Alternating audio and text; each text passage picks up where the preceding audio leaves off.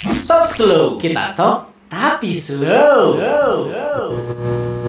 Talk slow, kita talk tapi slow hari ini sangat spesial sahabat Pilar karena Pak Mendika akan ngobrol dengan tamu yang juga sangat spesial. Sudah hadir eh, Ibu Wakil Wali Kota Cirebon, Dr. Anda Hajah Eti Erawati. Selamat datang Ibu. Aduh sibuk tapi menyempatkan diri datang ke sini. Tadi ngelihat Instagram masih sibuk tapi sempat mampir.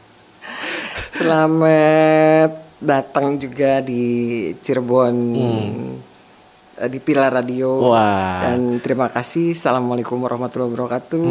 Terima kasih Mas Tika dengan seluruh kru Pilar Radio. Tentunya ini adalah sebuah kehormatan saya hadiri kembali. Karena beberapa bulan yang lalu ya hampir satu tahun barangkali ya atau delapan bulanan ya Iya. saya baru on air lagi di Pilar Radio Iya, waktu itu di Pilar Racer di mobilnya Pilar. Betul. Sempat ngobrol-ngobrol sama saya juga kebetulan ya. sama Mas Tika juga Iya, ya? betul waktu itu ya. Kayaknya kita punya chemistry. Ibu tuh lahir kalau nggak salah tanggal 7 April ya? Betul, Saya 7 lahir April. tanggal 6 April, Ibu. Wah, kita deket-deket. kita deket-deketan ya. Aduh, Ibu kalau dulu pertama kali Dika tuh baca tentang profil Ibu tuh banyak yang manggil Ibu Eeng gitu ya. Itu nama yang sejarahnya panjang atau mungkin bisa cerita sedikit?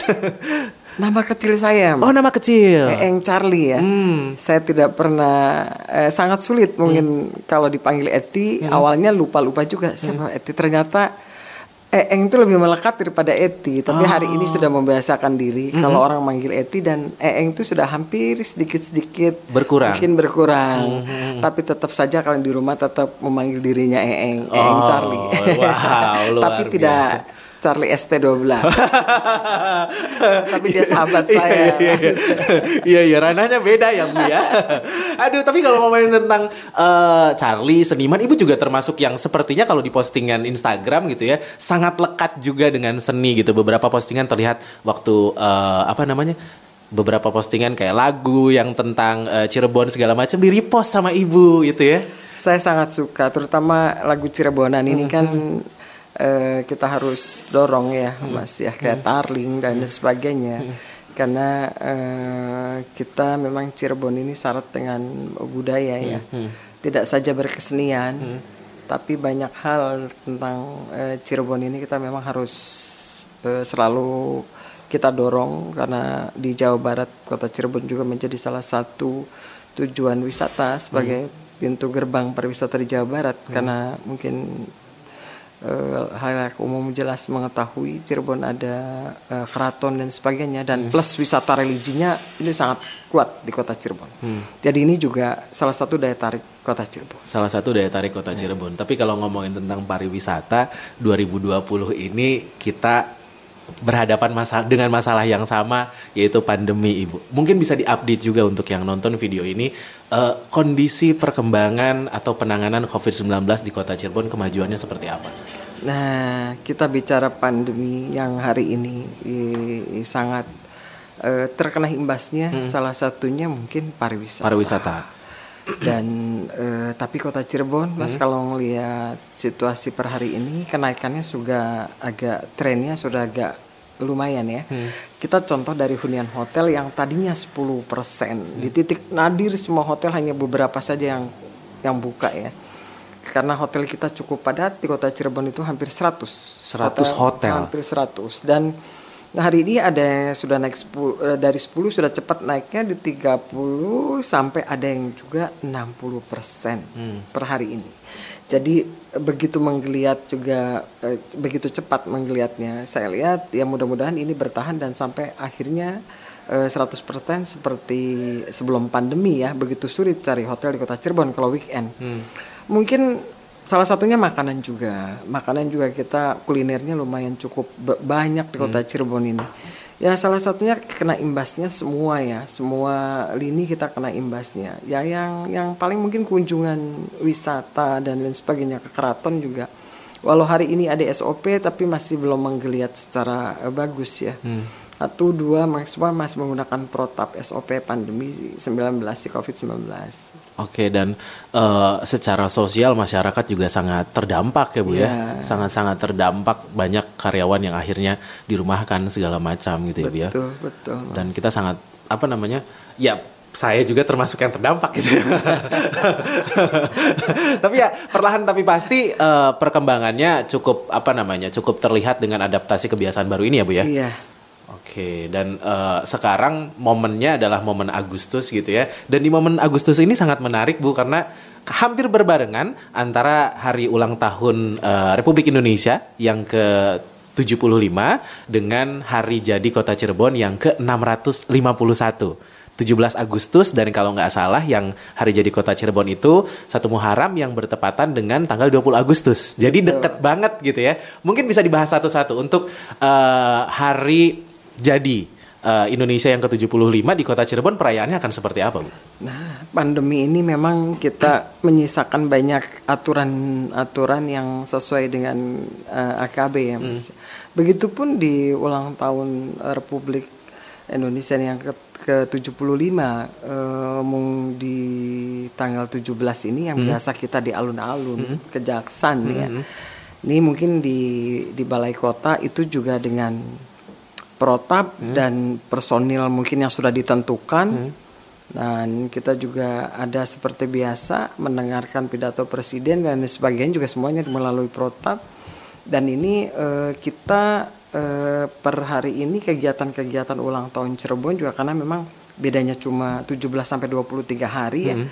Ini semuanya pakai virtual, oh. semua semua pakai media yang hari ini mungkin yang kita hari ini lakukan semua hmm. sama seperti ini. Hmm, Oke, jadi ya. memang banyak penyesuaian ya bu ya. Banyak penyesuaian. Banyak penyesuaian. Ya. Dan untuk tahun ini temanya adalah uh, Indonesia Maju. Kalau di logonya itu ada tulisan bangga uh, buatan Indonesia gitu ya. Kalau ibu sendiri memaknai dua kata ini seperti apa bu?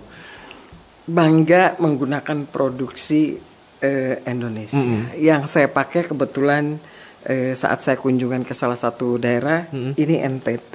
Oh. Ya kita harus bisa mengenalkan eh, eh, eh, apa ya kekayaan negeri ini hmm. yang luar biasa padat dari tenunnya, dari kalau Cirebon sudah nggak usah diragukan lagi orang hadir di kota Cirebon dengan batiknya, batiknya. dengan mega mendungnya, hmm. Trusmi. Itu hmm. salah satu yang terimbas juga, Mas. Hmm. Kota Cirebon punya batik juga, Mas. Batik pewarna alam yang kita sebut batik krian. Nah. Itu juga dari pewarna alam. Hmm. Intinya eh, kita harus bangga jadi anak negeri ini. Ya harus kita bisa mempublish ke apa ya eh, kekayaan alam yang ada di negeri ini. Hmm uh, dari setiap kota kabupaten ada batik karena sebagai salah satu contoh saja. Hmm. uh, seperti itu. Kayak hadir di depan saya uh, ah. saya disuguhin nih mas. Ih kopi. kopi. Saya yang nuang aja ya. ibu masing-masing ya, ya. ini Boleh kopi. rasanya ya kopi bro. Kopi bro ya. Kopi kopi ini menjamur banyak uh, sekali. Dan salah satunya ya, ini juga karya bro, lokal juga ya, ya bu ya? karya lokal. Hmm. jadi ini luar biasa. Luar biasa. Tahu aja ya Pila Radio.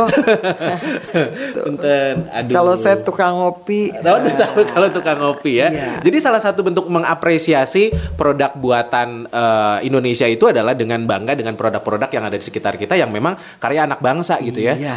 UMKM salah satunya bu. Ya ini salah satu yang kita harus tingkatkan. Hmm. Anak-anak sekarang tentu uh, kalau apa tuh kalau di kopi tuh namanya apa?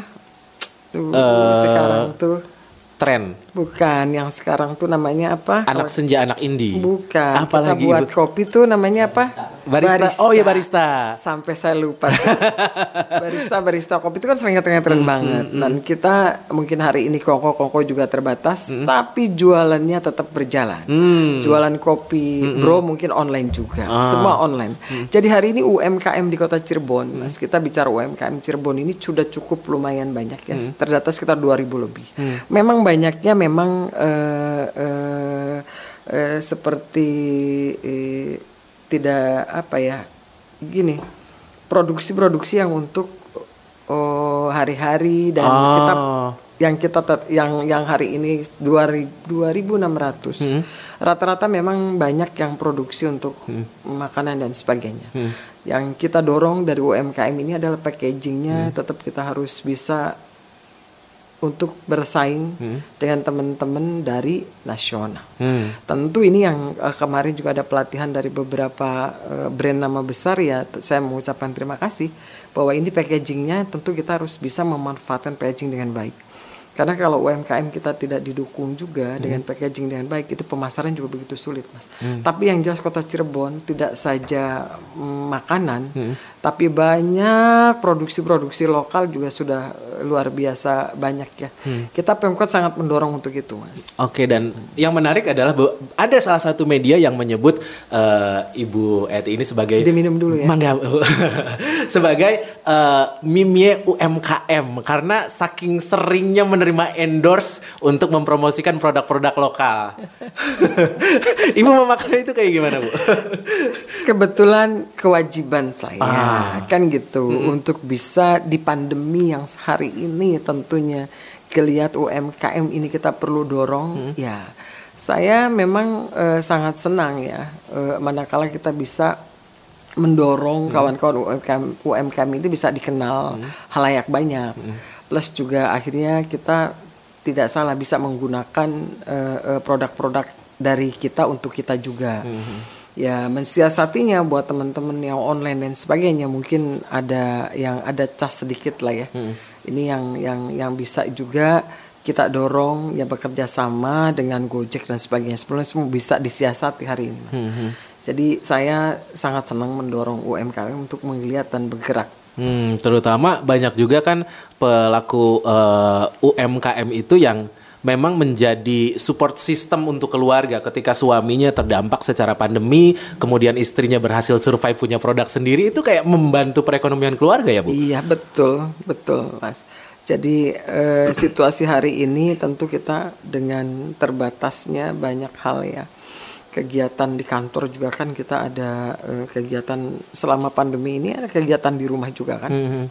Jadi mungkin kreativitas ibu-ibu di rumah karena bapak-bapak juga berkreativitas ini cukup tinggi mas hari ini, mm. cukup tinggi yang uh, pada akhirnya memberikan uh, bukan tempat-tempat baru ya, wajah-wajah baru di dunia bisnis. Di dunia bisnis hmm. online nih hmm. banyak banget karena ternyata uh, orang berinisiatif ini luar biasa untuk bisa memasarkan um, produknya produknya dari baju dari semua. Hmm. saya semua yang hampir-hampir sama. Dan juga dengan keterbatasan ini mungkin lebih online lebih lebih lebih nyaman ya. Lebih, lebih nyaman uh, untuk bisa datang uh, ke rumah segala macam si produknya. Ngomongin tentang produk gimana kopinya bu?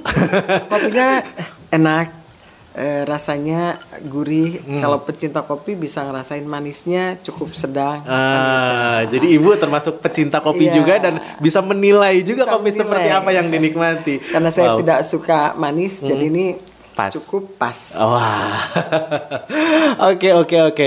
Nah untuk uh, bisnis online kan memang se secara ini memang sedang menggeliat gitu ya. Tapi untuk uh, bisnis yang mungkin offline konvensional, ibu punya tips nggak sih untuk mereka supaya tetap bisa survive gitu? Uh, untuk teman-teman semua dengan situasi hari ini. Hmm. Uh, tipnya adalah salah satunya uh, kita berjualan online ini kan harus bisa menarik ya.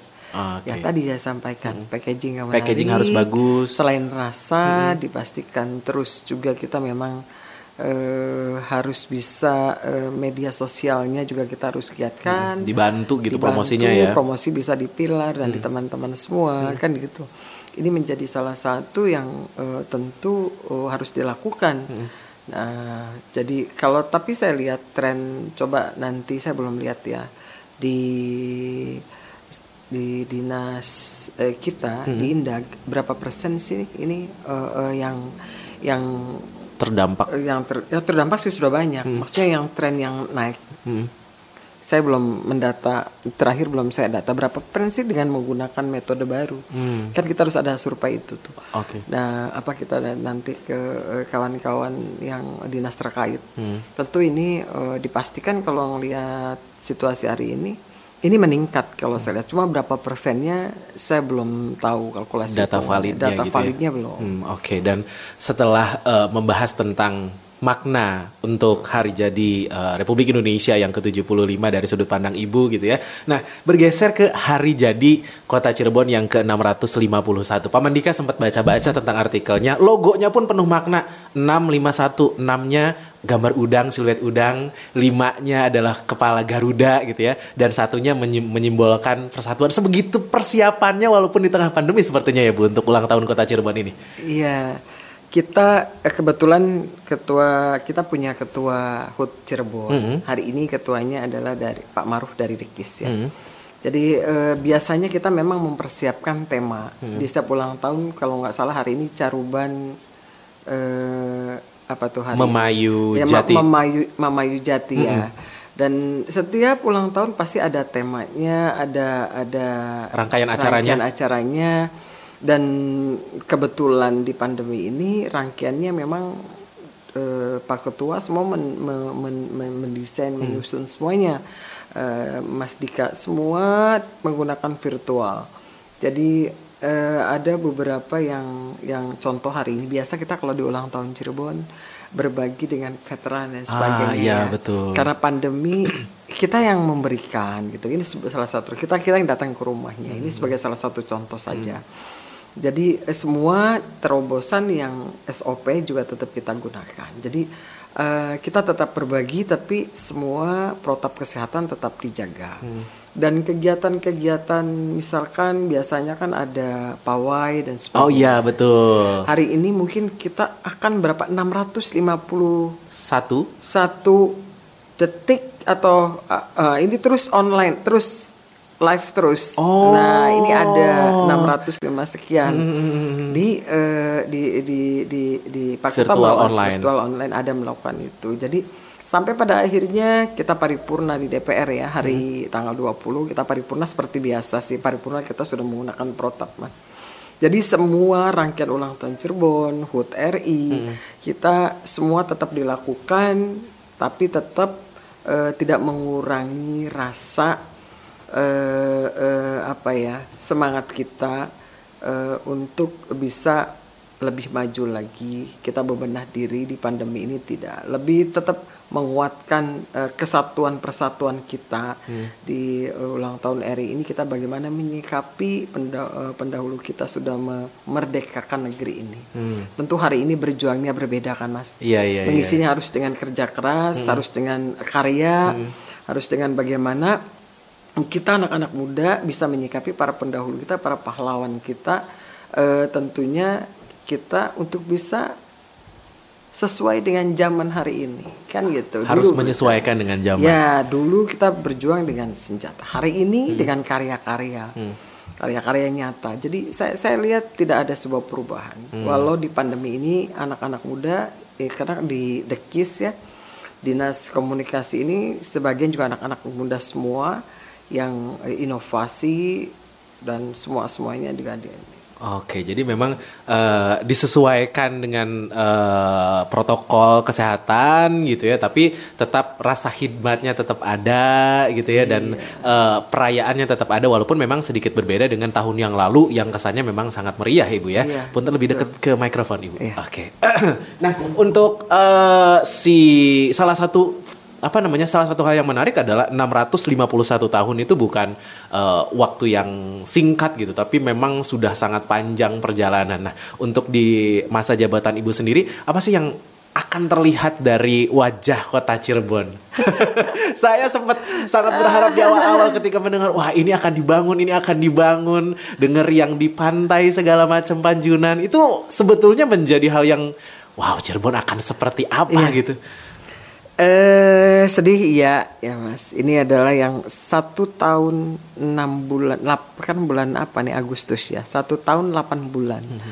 Saya dilantik waktu itu tanggal 12. Satu tahun tentu saya luar biasa eh, eh, lari-lari ke Jakarta dan ke Bandung dan dengan kawan-kawan bersama Pak Wali tentunya.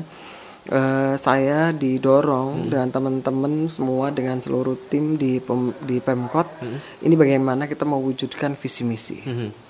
Nah, s- pas pandemi ini semua lah memupuskan semua harapan. Semua anggaran kena refocusing. 50% undang-undang juga sudah jelas kita kita kehabisan anggaran 50% setiap dinas.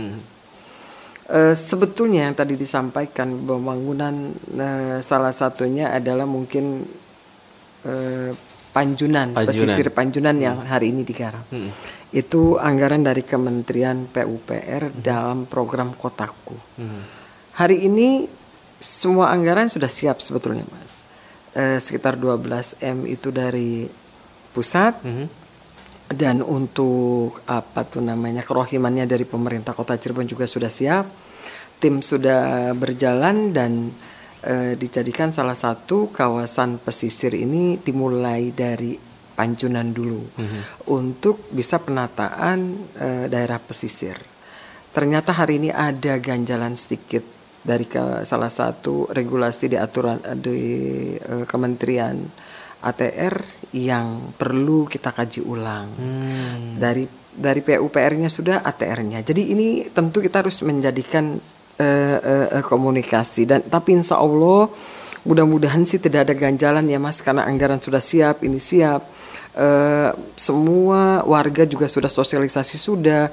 Warga pesisir juga saya mohon maaf sekali lagi untuk eh, eh, eh, keluarga besar di Panjunan terutama RW 1 dan RW 10 yang bukan pemerintah kota dan bukan saya bersama Pak Ajis menunda semua program itu. Kebetulan memang ada regulasi yang harus dibenahi dulu jadi saya mohon maaf. Kita sudah siap dan penataan juga eh, kita harus dorong. Salah satunya itu mungkin yang berjalan. Yang lainnya banyak sekali yang tidak jalan, Mas. Contoh yang tidak jalan, Ibu. Banyak banget. Yang tidak jalan mungkin kita dorong di 2021 Satu. mudah-mudahan tidak ada perubahan ya. Kayak eh, penataan eh, kota penataan kawasan eh, daerah pecinan. Hmm. Terus kawasan Panjunan hmm, taruh kata Kampung Arab. Itu juga terus kita daerah pariwisata rata-ratanya ya. Pembangunan di situs eh, Kalijaga Kalijaga Monyet di situ itu juga tertunda. Pembangunan pan di BAT juga tertunda. Jalan mungkin sekarang di antara kawasan Siliwangi juga sekarang kayaknya kelihatannya jalan. Banyak sekali yang tertunda yang saya berpikir ini adalah mm, target yang sudah harus saya selesaikan. Eh ada yang agak tertunda yang harusnya jalan adalah mungkin eh, persoalan Kota Cirebon adalah persoalan sampah yang mungkin Ah. warga masyarakat sangat tahu itu.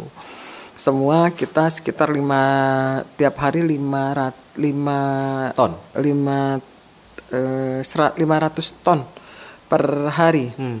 itu eh, sampah ada di kota Cirebon 500 ton karena kita daerah perbatasan 100 lebih eh, dari tetangga kita ya 100 lebih ya. Mudah-mudahan besok saya dengan Pak Bupati akan eh, bagaimana mencari solusi-solusi yang terbaik. Karena warga kabupaten juga warga saya. Iya. kan gitu. Sama ini pas ke di pinggiran warga saya juga. Karena aktivitasnya warga kabupaten warga kota terkadang ada yang di kabupaten dan kota. Semuanya adalah tetap menjadi solusi bersama. Intinya kita bagaimana menanggulangi. Nah persoalan sampah itu kalau tidak ada aral melintang waktu itu untuk hibah dari eh, salah satu kementerian itu sudah beres mas. Oke. kita cukup bagus untuk pembangunan pabrik ya di daerah eh, Argasunya. Tapi Tuhan berencana lain. Pas sudah kita memasuki DED FS semuanya terhenti karena pandemi tapi ini on proses juga jadi banyak yang eh, tertunda program-program yang tentunya belum eh, terlaksana dengan baik. Tapi insya Allah masalah sampah kita kan TPS ada beberapa yang sudah ditutup dan next mungkin bulan-bulan depan kita berusaha keras untuk menutup TPS yang Selamat Datang Cirebon dan Cipto. Oh, yang ini. Iya kita akan Ah. tutup dan eh, Panjunan juga kita akan tutup tiga TPS. Jadi itu program yang utama tetap akan kita jalankan eh karena ya persoalan sampah udahlah pandemi ini memang kita harus betul-betul jaga kebersihan dan sebagainya.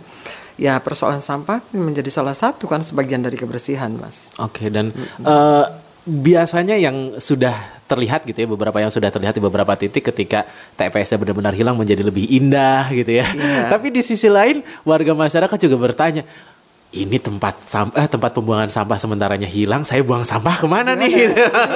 itu pertanyaan yang beredar di Nah, masyarakat itu yang be- beredar di masyarakat hari ini buangnya di mana? Karena kita pakai sistem jam ngambilnya mas. Oh ada ada jam tertentu. Ada jam tertentu terus kita ngambil.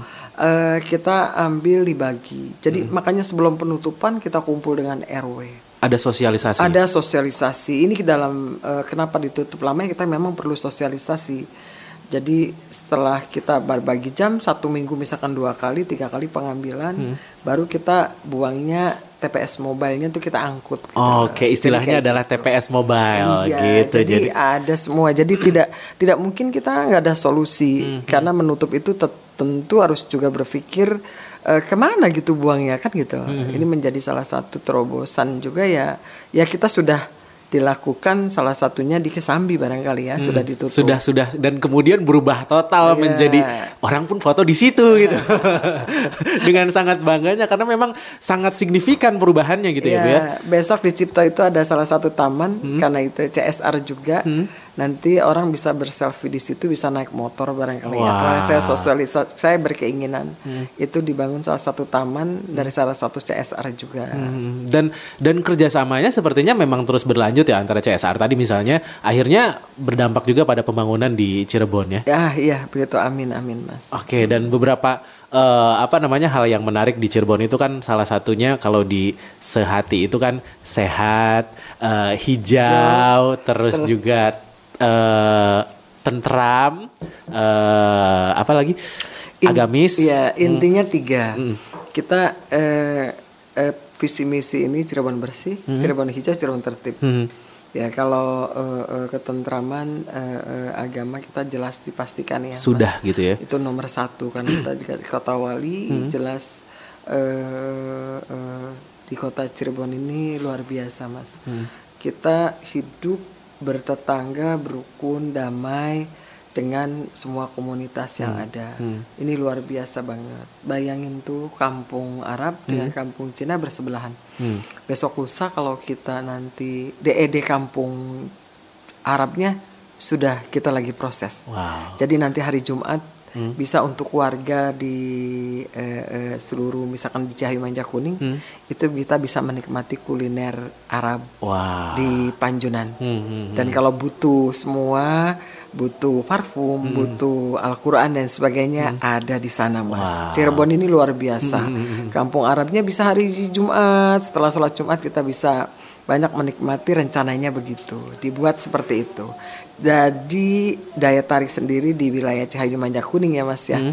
Jadi untuk pertemuan semua komunitas di Kampung Arab keren banget kalau sudah jadi. Wow, jadi masyarakat bisa membayangkan seberapa kerennya, tapi tidak usah dibayangkan karena bisa datang langsung. Iya betul. Sekalian belanja parfum. Sekalian belanja ya. Jadi memang pada akhirnya banyak yang berubah dari masyarakat di eh, pandemi ini ya Ibu ya. Termasuk juga mungkin yang perlu disapa adalah orang tua yang akhirnya menjadi sibuk untuk menemani anak-anaknya belajar di rumah melalui PJJ pendidikan apa pelajaran jarak jauh gitu ya. Dan Ibu juga sempat ngajar juga ya Bu ya di PJJ itu. Betul, iya. Waduh, ngajar Ternyata sulit. bahasa Cirebon. Cirebon. Oh, Oke, ternyata sulit. Ternyata jadi guru tuh tidak mudah. Hmm, hmm. Jadi kalau saya tentu betul yang disampaikan bahwa guru adalah pahlawan tanpa tanda jasa itu betul. Karena mungkin ibu-ibu seluruh di eh, seluruh Indonesia ini menjadi eh, sangat berarti hari ini bahwa begitu sulitnya jadi eh, eh, guru buat anak-anaknya. Eh, banyak hal yang eh, tentunya selama ini kita terlalu abaikan nitip ke sekolah Iya. sekolah ternyata sulit Hmm. Mendidik anak dengan segala eh, apa ya kan banyak sekarang eh, aturan-aturan yang yang kita tidak memahami di pembelajaran itu kan sudah zamannya sudah berbeda ya. Hmm. Sangat beda Sangat sekali. beda. Sekarang serba digital Ya, gitu ya. digital, terus tambah lagi ngajarin yang matematik dan Hmm. sebagainya. Betapa sulitnya ini kan. Jadi jelas eh, ini yang mungkin hikmah yang kita dapat. Hmm. Bagaimana kita harus me- menghormati dan bagaimana kita eh, sulitnya Hmm. mendidik anak-anak kita ini menjadi sebuah perhatian. Guru adalah memang hari ini kita harus memuliakan Hmm. Bapak Ibu guru kita. Tanpa guru-guru yang mendidik saya hari ini mungkin tidak bisa juga saya hadir di pemerintah kota Cirebon. Jadi jasanya memang sangat luar Iya. biasa ya Bu ya. Waktu ngajar gimana Ibu rasanya? Ternyata sulit juga ngajar ya. Mas. Walaupun bahasa Cirebon gitu. bahasa Cirebon, bahasa Cirebon kan ada bahasa Bobasan. Iya, kan, iya, Mas. betul. Yang ini yang yang saya selalu menyampaikan ke eh, eh, teman-teman dinas dimasukkan ke ekstrakurikuler dan karena anak saya juga mungkin gak begitu paham. Misalnya mau beli kopi, Iya. badai tumbas kan gitu. Badai tumbas. Nah, ini yang harus di, diajarin. Badai tangpekan, tangpekan tuh mau ke pasar kan gitu. Ini banyak hal yang anak-anak kita perlu diedukasi bahasa Cirebonan. Satu ya memang eh, agak sulit sekarang saya ngajarin anak-anak saya dengan bahasa Jawa harian sih tidak, Iya. mereka sudah hafal.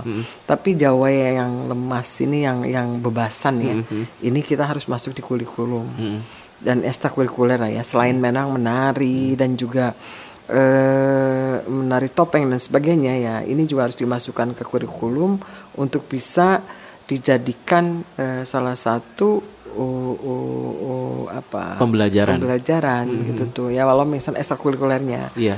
kita masukkan Jadi ada wacana ke sana ya mengingat ke- eh, kepedulian Ibu juga terhadap bahasa Cirebon gitu ya. Oke. Kemarin sih sempat kita waktu saya tengok kawan-kawan sedang mengajarkan di eh, RCTV ya eh, kebetulan ketemu dengan teman-teman dinas ya teman-teman dinas sangat mendukung juga. Begitupun kunjungan ke keraton dan sebagainya kita harus tingkatkan ya Mas. Anak-anak kita harus tahu bahwa peninggalan sejarah kita cukup kota Cirebon ini eh, salah satu di Jawa Barat yang punya keraton dan punya eh, wisata religi, Hmm. Sunan Gunung Jati dan sebagainya. Dan ini kita anak-anak kita yang memang harus mengenal itu kan Hmm. gitu. Dan itu eh, harus dimulai dari rumah. Bagaimana orang tua juga memberikan bahwa kita harus bangga menjadi warga Cirebon dengan mengenal budaya Cirebon, menggunakan bahasa Cirebon gitu ya Bu ya. betul, betul, iya Mas. Kita mungkin ini yang yang eh, eh, ya yang harus kita dorong ya, Hmm. baik Pemkot maupun orang tua di rumah. Karena untuk bahasa tentu eh, lingkungan Hmm. sekitar juga sangat mendukung. Sangat eh, kita harus bisa bersama-sama dengan eh, pihak sekolah.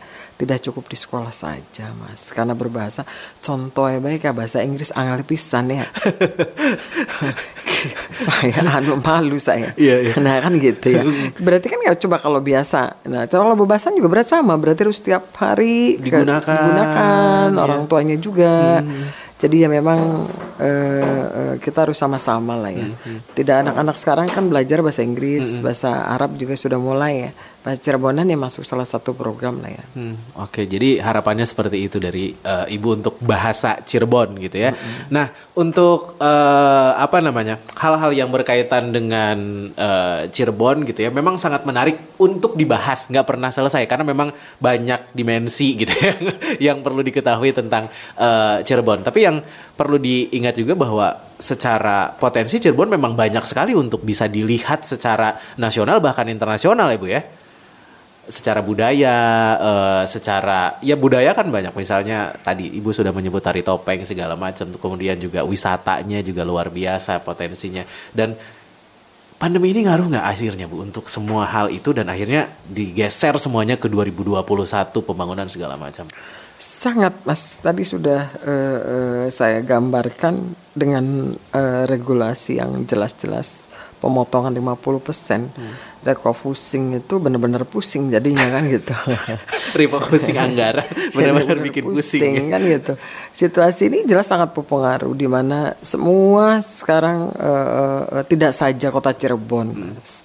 Sejatinya provinsi Jawa Barat juga sama mengalami dilema ya untuk bisa membangun kota kabupatennya sama sih Mas ke eh, eh, ang- dengan anggaran kita terbatas dan sangat berat untuk bisa dorong roda pembangunan. Begitupun kota kabupaten lain, situasinya sama kalau di pandemi ini. Tapi saya berkeyakinan di teman-teman dinas, seluruh dinas di eh, kota Cirebon khususnya eh, di antara kesulitan anggaran, inovasi, terobosan juga eh, mereka tetap eh, lakukan banyak hal yang eh, tentunya ini karena kita tidak bisa juga berkutat menunggu anggaran. Hmm. Kalau oh, kita menunggu anggaran, inovasi juga tidak keluar, ya agak berat, Mas. Tidak semua harus anggaran ada dan kegiatan ada enggak, tapi alhamdulillah seluruh dinas ya sangat paham mengadaptasi uh, uh, uh, dinasnya masing-masing. Bagaimana di pandemi ini bisa berbagi bersama-sama, baik program maupun di antara keseharian. Hmm uh, untuk di rumahnya sendiri. Saya pikir semua sangat uh, anu ya.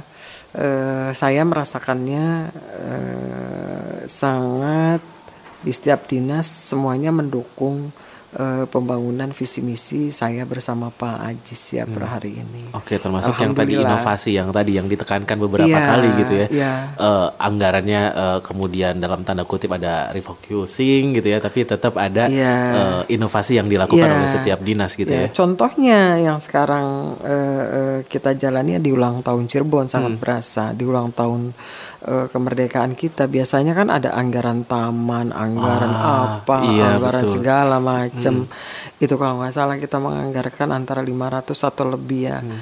Nah sekarang kan nggak ada tuh kena refocusing habis atau belum kita CSR-nya kita hmm. masukkan. Walau kalau kalau lihat di kota kabupaten lain, kota Cirebon kecil mas 500 juta untuk ulang tahun. Hmm.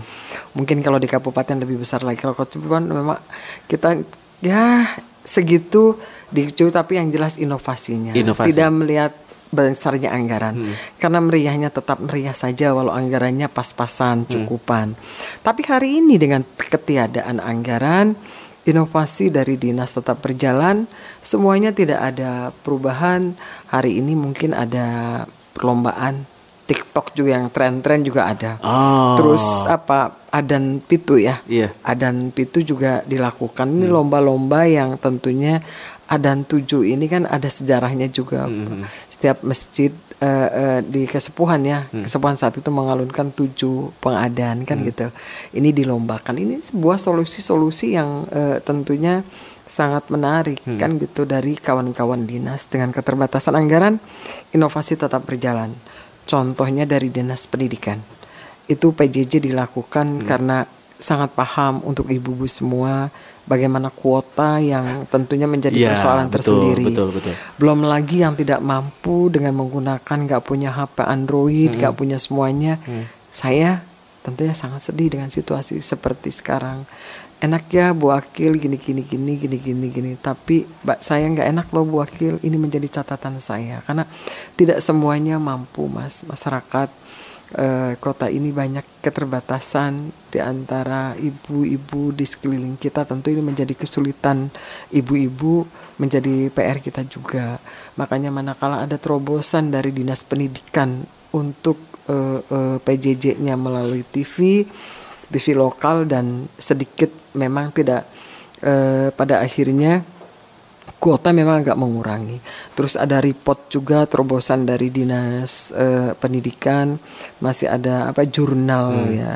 Jurnal report juga ini membantu sekali ya untuk melaporkan kegiatan siswa di rumah. Ini salah satu terobosan yang dikemas dari dinas pendidikan. Jadi uh, di antara kusudat karena dinas pendidikan yang hari ini memberikan dampak yang luar biasa ya, hmm. di mana anak-anak nggak sekolah mas, anak-anak sudah mulai nggak nyaman di rumah hari ini ini menjadi kasihan juga dan uh, dengan adanya regulasi uh, uh, regulasi baru yang dilakukan dinas pendidikan ini sebuah salah satu solusi-solusi yang enggak jalan keluarnya seperti ini. Terus dari dinas tadi dinas uh, DKOKP mungkin kegiatan-kegiatan hmm. uh, belum semua dan banyak dari IO-IO terutama yang hadir yang menanyakan ke kami untuk kegiatan nikahan semuanya. Protapnya mungkin jelas tapi tetap belum menggeliat walau hmm, dibuka kan iya. karena sebagian masyarakat menunda pesta. Hmm. Yang adanya nikah cukup sebentar saja. Akad saja Akad dulu. Akad saja tapi Nanti irit ya mas ya. Oh, oh. Tapi Jadi mau nikah lagi boleh. Sekarang biayanya nggak mahal. Jangan sih bu, ibu mah.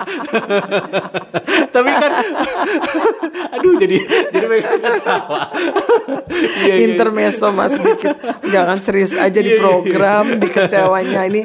Saya menikmati pandemi ini adalah belajar mas. Belajar. Karena iya kita banyak belajar sebetulnya sih pandemi ini sekian bulan mengharuskan kita kan ada sempat eh, berkantor di rumah ya. Di rumah Ya, PSBB. Ya, PSBB. Biasanya kan kita nggak ketemu anak-anak. Hmm. Hari ini kita ketemu anak-anak, bisa olahraga bareng, bisa ngapain bareng. Ini juga pembelajaran. Iya, iya. Jadi tidak ada musibah ini yang tanpa ada hikmahnya. Hmm.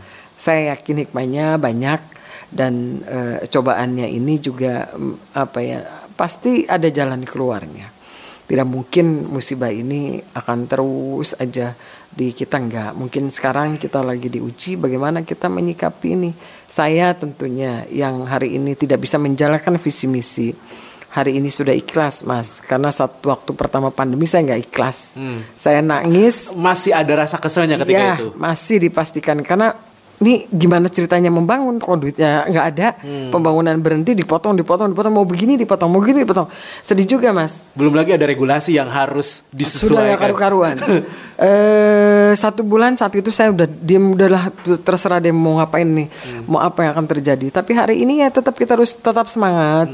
Di sisa pembangunan ini tetap harus semangat tidak boleh me- menyerah di situasi pandemi. Sebisa bisanya kita harus melakukan. Saya yakin bersama warga Cirebon semuanya 350 ribu warga penduduk kota Cirebon saya yakin dengan doanya kota Cirebon bisa keluar dari persoalan Amin. Yang di sini dong.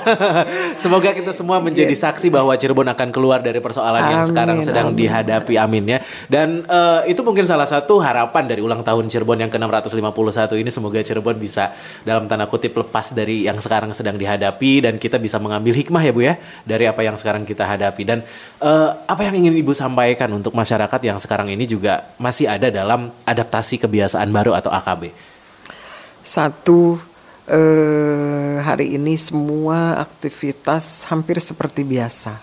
Pasar, mall dan kehidupan di jalan di mana-mana hampir normal. Eh, AKB, adaptasi kebiasaan, baru. Tentu ini mm, menyita banyak eh, bukan ini ya Mas, satu yang yang selalu kita eh, Tekankan. Ya, tekankan dan mensosialisasikan adalah di kebiasaan-kebiasaan ini memang sulit. Hmm. Salah satunya ya ini bermasker. Menggunakan nah, masker. menggunakan masker. Ini memang sulit. Kadang juga saya lupa, tapi mungkin ibu bapak sekalian di kota Cirebon masker yang yang kain lebih mudah di bisa membuat sendiri dan bisa dicuci lebih aman walau memang tidak seperti masker eh, yang Masker standar ru- kesehatan. Hmm. standar kesehatan itu hampir 80 lebih kalau ini sekitar 70 persenan ya untuk bisa mengcover minimal untuk diri kita sendiri jadi tetap gunakan masker kalau keluar Hmm, Terus jaga jarak seperti kita. Ya, tidak harus kita diperintah dengan aturan Hmm. dan pemotongan. Jadi tetap karena itu untuk diri kita sendiri. Satu itu karena sudah menjadi kebiasaan. Kalau jaga jarak hari ini kita, Kita dengan sudah jaga jarak. Mas Dika. siapa? Mas Dika sudah jaga jarak. Karena eh, eh, kita kenapa harus jaga jarak? Karena ada yang percikan-percikan ini yang tentunya begitu cepat ya. Satu lagi kita jaga kebersihan, cuci tangan dan sebagainya kita harus lakukan. Kenapa? Ya kebersihan adalah bagian dari iman. Kita hikmahnya kita harus ada pasti ada hikmahnya. Kita selalu bersih bersih. Jadi hindari kerumunan. Hindari kerumunan juga. Iya, hindari kerumunan. Jadi kalau seandainya ini kan ya cepat segera pulang deh untuk diri kita. Jadi kalau sudah kita mulai dari diri kita, saya yakin lingkungan kita semua akan selesai. Hmm, Oke, jadi memang itu hal-hal yang uh, perlu dilakukan uh, oleh kita semua untuk bisa menghambat penyebaran uh, COVID-19 ini ya Bu ya. Oke, terima kasih Ibu atas waktunya ngobrol-ngobrol di Talk Slow, kita talk tapi slow ya. Idenya tadi bagus juga buat saya. Oh jangan ya, pasti nggak diizinin sama istri. talk Slow, kita talk tapi slow.